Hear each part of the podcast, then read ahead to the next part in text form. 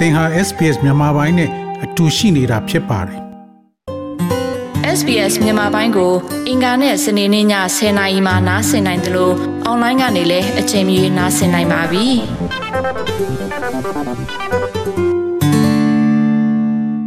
သောရရှင်များရှင်ဩစတြေးလျနိုင်ငံမှာအကျဉ်းထောင်စနစ်ဘယ်လိုရှိသလဲဆိုတာကိုတင်ဆက်ပေးမှာဖြစ်ပါတယ်။ ဩစတြေးလျနိုင်ငံမှာပြည်မှုကျူးလွန်တဲ့အသက်16နှစ်ပြည့်သူတွေကိုတရားရေးရာစနစ်ကကင်တွယ်မှုလုပ်ပါတယ်။ပြည်မှုကျူးလွန်ကြောင်းတွေ့ရှိသူတွေကို correctional facility လို့ခေါ်တဲ့နေရာတွေမှာအကျဉ်းချထိန်းသိမ်းထားတာဖြစ်ပြီးအဲ့ဒီအထက်မှာ prison လို့ခေါ်တဲ့အကျဉ်းထောင်ကအပြင်းထန်ဆုံးသော correctional facility ဖြစ်ပါတယ်။ထောင်နှန်းဆိုင်ရသူတွေအတွက်သာမကကြံရည်သူမိသားစုဝင်တွေအတွက်လည်းခက်ခဲမှုရှိပါတယ်။ ဩစတြေးလျနိုင်ငံမှာပြည်မှုကျူးလွန်သူတွေကိုထိန်းသိမ်းတဲ့နေရာ115ခုရှိပြီးပုဂ္ဂလိကအနေနဲ့လဲပတာရှိသလိုအစိုးရကကင်တွယ်တဲ့ထိန်းသိမ်းရေးစခန်းတွေလည်းရှိပါတယ်။တရားရေးရာစနစ်က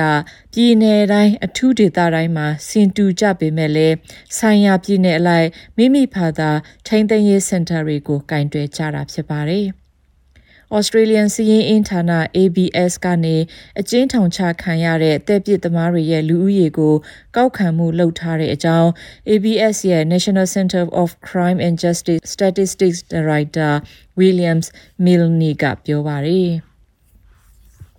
2021ခုနှစ်ဇွန်လအထိအကျဉ်းစခန်းတွေမှာထိန်းသိမ်းခံရသူအကျဉ်းသားဦးရေက4300ရှိပြီးအဲ့ဒီအထက်မှာ15000ကျော်ဟာရမန်ရုံးချင်းရက်ကိုစောင့်ဆိုင်နေကြရသူတွေဖြစ်ပါတယ်။ထိန်းသိမ်းခံရသူတွေထဲက62ရာခိုင်နှုန်းဟာအမျိုးသားတွေဖြစ်ပြီး8ရာခိုင်နှုန်းကသာအမျိုးသမီးတွေဖြစ်ပါတယ်။ပြန်မြအားဖြင့်အကျဉ်းသားတွေဟာအကျဉ်းထောင်မှာ3နှစ်ခွဲလောက်နေထိုင်ကြရပါတယ်။ ရမန်ယုံချင်းရက်ကိုစောင့်ဆိုင်ရတဲ့ပြန်မြအချိန်ကတော့3.4လလောက်ကြာမြင့်တတ်တယ်လို့ဆိုပါတယ်။အကျဉ်းထောင်ကြခံနေရသူအများစုဟာဌာနေတိုင်းသား Aboriginal နဲ့ Torres Strait Islander လူမျိုးတွေဖြစ်ကြပြီးအဲ့ဒီလိုဖြစ်ရတဲ့အကြောင်းရင်းကရှုပ်ထွေးပေမဲ့လည်းတမိုင်းကြောင်းဆိုင်ရာစိတ်ဓာတ်ရာတွေနဲ့မျိုးဆက်အလိုက်အခွင့်မသာတဲ့အတွေ့ပညာရေးလူမှုရေးနောက်ခံအားနည်းတာတွေကြောင့်လည်းပါဝင်တယ်လို့ပြောပါတယ်။ လူဦးရေအချိုးအစားကိုကြည့်မယ်ဆိုရင် လူသသိန်းမှာ214ဦးအကျဉ်းထောင်မှာနေရတဲ့အနေအထားဖြစ်ပေမဲ့ဌာနေတိုင်းသား Aboriginal လူမျိုးနဲ့ Torres Strait Islander ဦးရေကိုကြည့်လိုက်မယ်ဆိုရင် လူသသိန်းမှာအကျဉ်းသားက2412ဦးနှုန်းနဲ့တွားပြီးတော့ညင်ညနေပါတယ်။ဒါဟာပြမ်းမြလူဦးရေနဲ့ရှင်ရင်ဌာနေတိုင်းသားတွေအကျဉ်းချခံရနိုင်တဲ့နှုန်းက10ဆလောက်ပိုများတာဖြစ်တယ်လို့ပြောပါတယ်။ လူတွေထိမ့်သိမ့်ခံရပြီဆိုရင်သူတို့ရဲ့လုံခြုံရေးဆိုင်ရာအနေအထားကိုကြည့်ပြီးဘယ်နေရာမှာပို့ဆောင်မရမလဲဆိုတာကိုဆုံးဖြတ်ကြပါတယ်။အကြမ်းဖက်မှုကျူးလွန်သူတွေဆိုရင် လုံခြုံရေးအတင်းကျဆုံးနေရာကိုပို့ဆောင်လေးရှိတယ်လို့ New South Wales ပြည်နယ် Metro West ရဲ့ထိန်းသိမ်းရေးဆိုင်ရာဒါရိုက်တာ Emma Smith ကပြောပါတယ်။ကျမတို့မှာအကျဉ်းထန်ဆုံးပြီးရင်အလဲအလတ်နဲ့ လုံခြုံရေးအနှဲငယ်သာလိုအပ်တဲ့ထိန်းသိမ်းရေးစင်တာဆိုပြီးတော့သုံးမျိုးရှိပါတယ်။လူတယောက်ထိန်းသိမ်းခံရပြီဆိုတာနဲ့ကျမတို့ကအရင်ဆုံးအဲ့ဒီလူကိုဘယ်နေရာမှာထိန်းထားသင့်တယ်လဲဆိုတာကိုလေ့လာဆန်းစစ်မှုလုပ်ပါတယ်။သူတို့ဘာအတွက်နဲ့ထိမ့်သိမ်းခံရတယ်လဲသူတို့ကိုအပြစ်ရှိကြောင်းတွေးရှိထားပြီလားဒါမှမဟုတ်ရမန်ယုံချင်းရဲ့ကိုစောင့်ဆိုင်နေတုံးပဲလားဆိုတာကို ကြည့်ပြီးတော့ဘယ်နေရာမှာဘလို့အနေထားနဲ့ထိန်းချုပ်တင်တယ်ဆိုတာကိုဆုံးဖြတ်တယ်လို့ပြောပါတယ် ရမန်အကျဉ်းသားတွေဆိုတာအဖမ်းခံရပြီးတရားစွဲဆိုခံရပေမဲ့တရားရုံးရဲ့အဆုံးအဖြတ်ကိုစောင့်ဆိုင်နေရတဲ့လူတွေဖြစ်ပါတယ်။အကျဉ်းထောင်ဦးရေရဲ့800ခိုင်နှုန်းကသာအမျိုးသမီးတွေဖြစ်ကြတဲ့အတွက်လူတိုင်းလုံခြုံပေးကင်းစွာ ထိန်းသိမ်းခံရအောင်တေချာလှုပ်ဆောင်ရတယ်လို့ Miss Smith ကပြောပါတယ်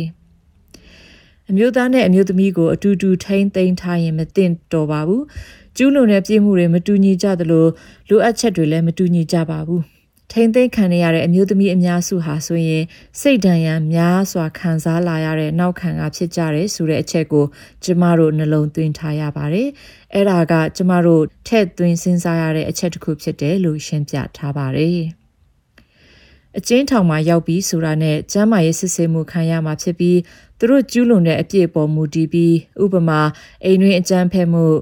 ကျမ်းမာရေးနဲ့မိဘအုပ်ထိန်မှုဆိုင်ရာတင်နန်းတွေတည်ရပါတယ်။ထောင်အတွင်းမှာအလုပ်ကိုလုပ်စေတယ်လို့လည်းသူကပြောပါတယ်။ရမန်ယုံချင်းရဲ့စောင့်ဆိုင်နေရတဲ့လူတွေအလုပ်လုပ်စရာမလိုပေမဲ့လည်းလှုပ်ချင်ရင်တော့လုပ်နိုင်အောင်အခွင့်အရေးပေးထားပါတယ်။ဒါပေမဲ့ပြစ်ဒဏ်ကြခံနေရတဲ့အကျဉ်းသားတွေကတော့မဖြစ်မနေအလုပ်လုပ်ကြရပါတယ်။အကျဉ်းထောင်တီးတီးမှာသူတို့လုပ်ရမယ့်လုပ်ငန်းတာဝန်တွေရှိပါတယ်။ တချို့ကတန်ရှင်ရဲ့အလုပ်မီးဖို့ချောင်အလုပ်နဲ့ပြုပြင်ထိန်းသိမ်းရေးအလုပ်တွေလုပ်နိုင်ပါတယ်။တချို့အချင်းထောင်တွေမှာဆိုရင်မုတ်ဖုတ်တဲ့လုပ်ငန်းပုံနှိပ်လုပ်ငန်းအင်ဂျင်နီယာနဲ့ shopping center လိုအယောင်ဌာနတွေရှိနိုင်ပြီးအကျဉ်းသားတွေဝယ်ယူနိုင်တဲ့ပစ္စည်းတွေကိုရောင်းချပေးတဲ့နေရာမျိုးမှာအလုပ်လုပ်ရနိုင်တယ်လို့ပြောပါတယ်။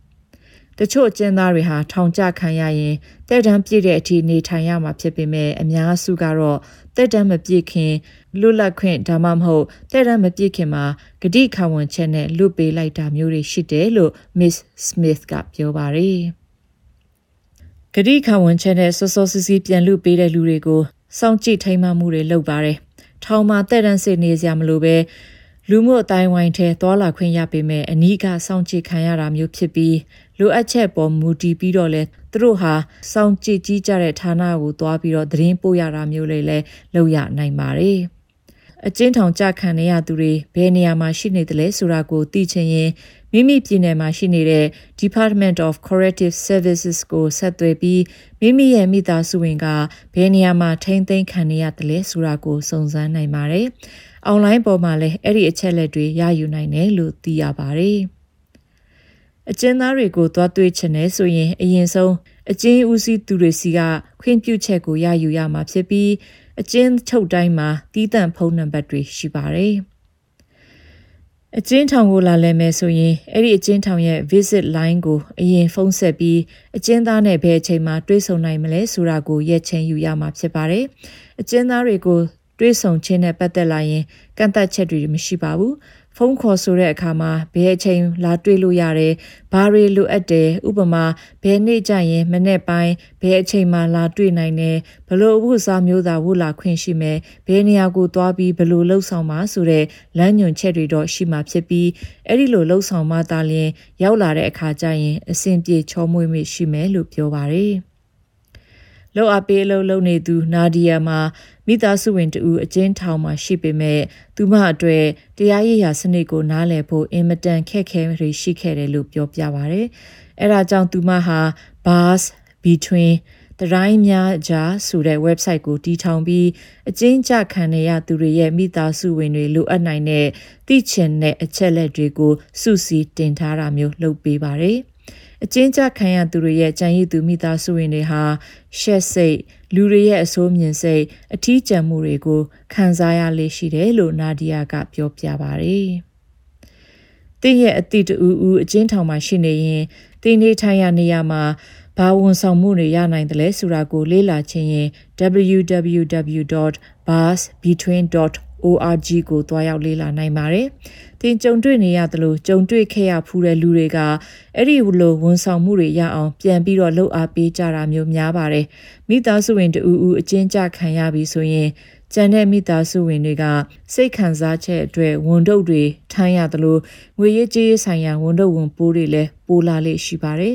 လူတယောက်ပြောဖူးတာကတော့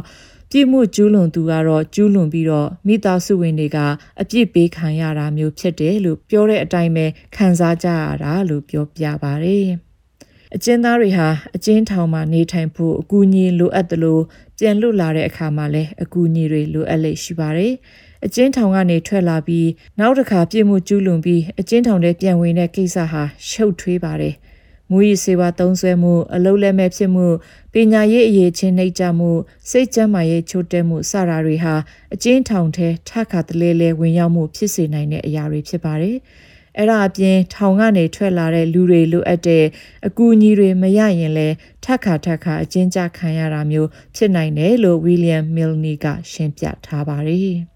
။အကျဉ်းသား46ရာခိုင်နှုန်းလောက်ဟာထောင်ထွက်ပြီးနှစ်နှစ်လောက်ကြာမှာ နောက်တစ်ကြိမ်ပြည့်မှုကျူးလွန်လေးရှိပါတယ်။ကျွန်တော်တို့မှာထောင်ကျခံနေရတဲ့သူတွေအတွက်ထောင်ကျမခံခင်အနေအထားကိုကြည့်တဲ့ metric တွေရှိပါတယ်။60ရာခိုင်နှုန်းလောက်ထောင်ထဲပြန်ဝင်လာကိန်းရှစ်ကြောင်းပြသပေမဲ့နှစ်နှစ်အတွင်းမဟုတ်ပဲဒီထက်မကကြာမြင့်တာမျိုးလည်းဖြစ်နိုင်တယ်လို့ပြောပါတယ်။ Behind Bars ရဲ့လှုပ်အားပေးသူနာဒီယာရဲ့အဆိုအရ မမိသားစုဝင်တွေရဲ့ပံ့ပိုးမှုကအကျဉ်းထောင်တဲ့အကျဉ်းချင်းဝင်ရောက်မှုမဖြစ်အောင် အများကြီးလှုံ့ဆော်ပေးနိုင်တယ်လို့ပြောပါတယ်။မိသားစုဝင်တွေရဲ့ပံ့ပိုးမှုကိုရရှိတဲ့အကျဉ်းသားဟောင်းတွေဟာလူမှုအတိုင်းဝိုင်းထဲပြန်လည်ဝင်ဆန့်တာတွေနဲ့အကျဉ်းထောင်ထဲပြန်ဝင်တာမျိုးမလုပ်တာမျိုးပိုဖြစ်စေနိုင်တယ်ဆိုတာသူသေသနာတွေမှာပြသထားတယ်လို့ပြောသွားခဲ့ပါတယ်။သရရှင်များရှင် SBS ရဲ့ documentary series အသစ်ဖြစ်တဲ့ Life on the Outside ဟာအကျဉ်းထောင်တဲ့အကျဉ်းချင်းဝင်ရောက်ရသူတွေရဲ့အကြောင်းရိုက်ကူးထားတာဖြစ်ပြီးသူတို့လွတ်လာတဲ့အခါမှာဘာတွေဖြစ်ကြသလဲ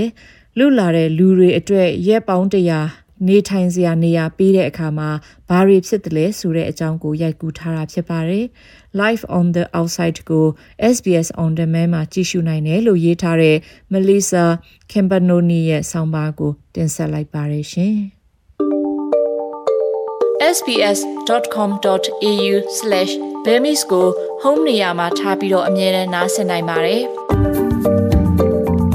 နောက်ဆုံးရသတင်းတွေ၊ဆောင်းပါးတွေနဲ့စစ်တမ်းတွေမှာပါဝင်ပြီးတော့ဆက်သွယ်မှုလုပ်နိုင်ပါတယ်။ sbs.com.au/bemis ဖြစ်ပါတယ်ရှင်။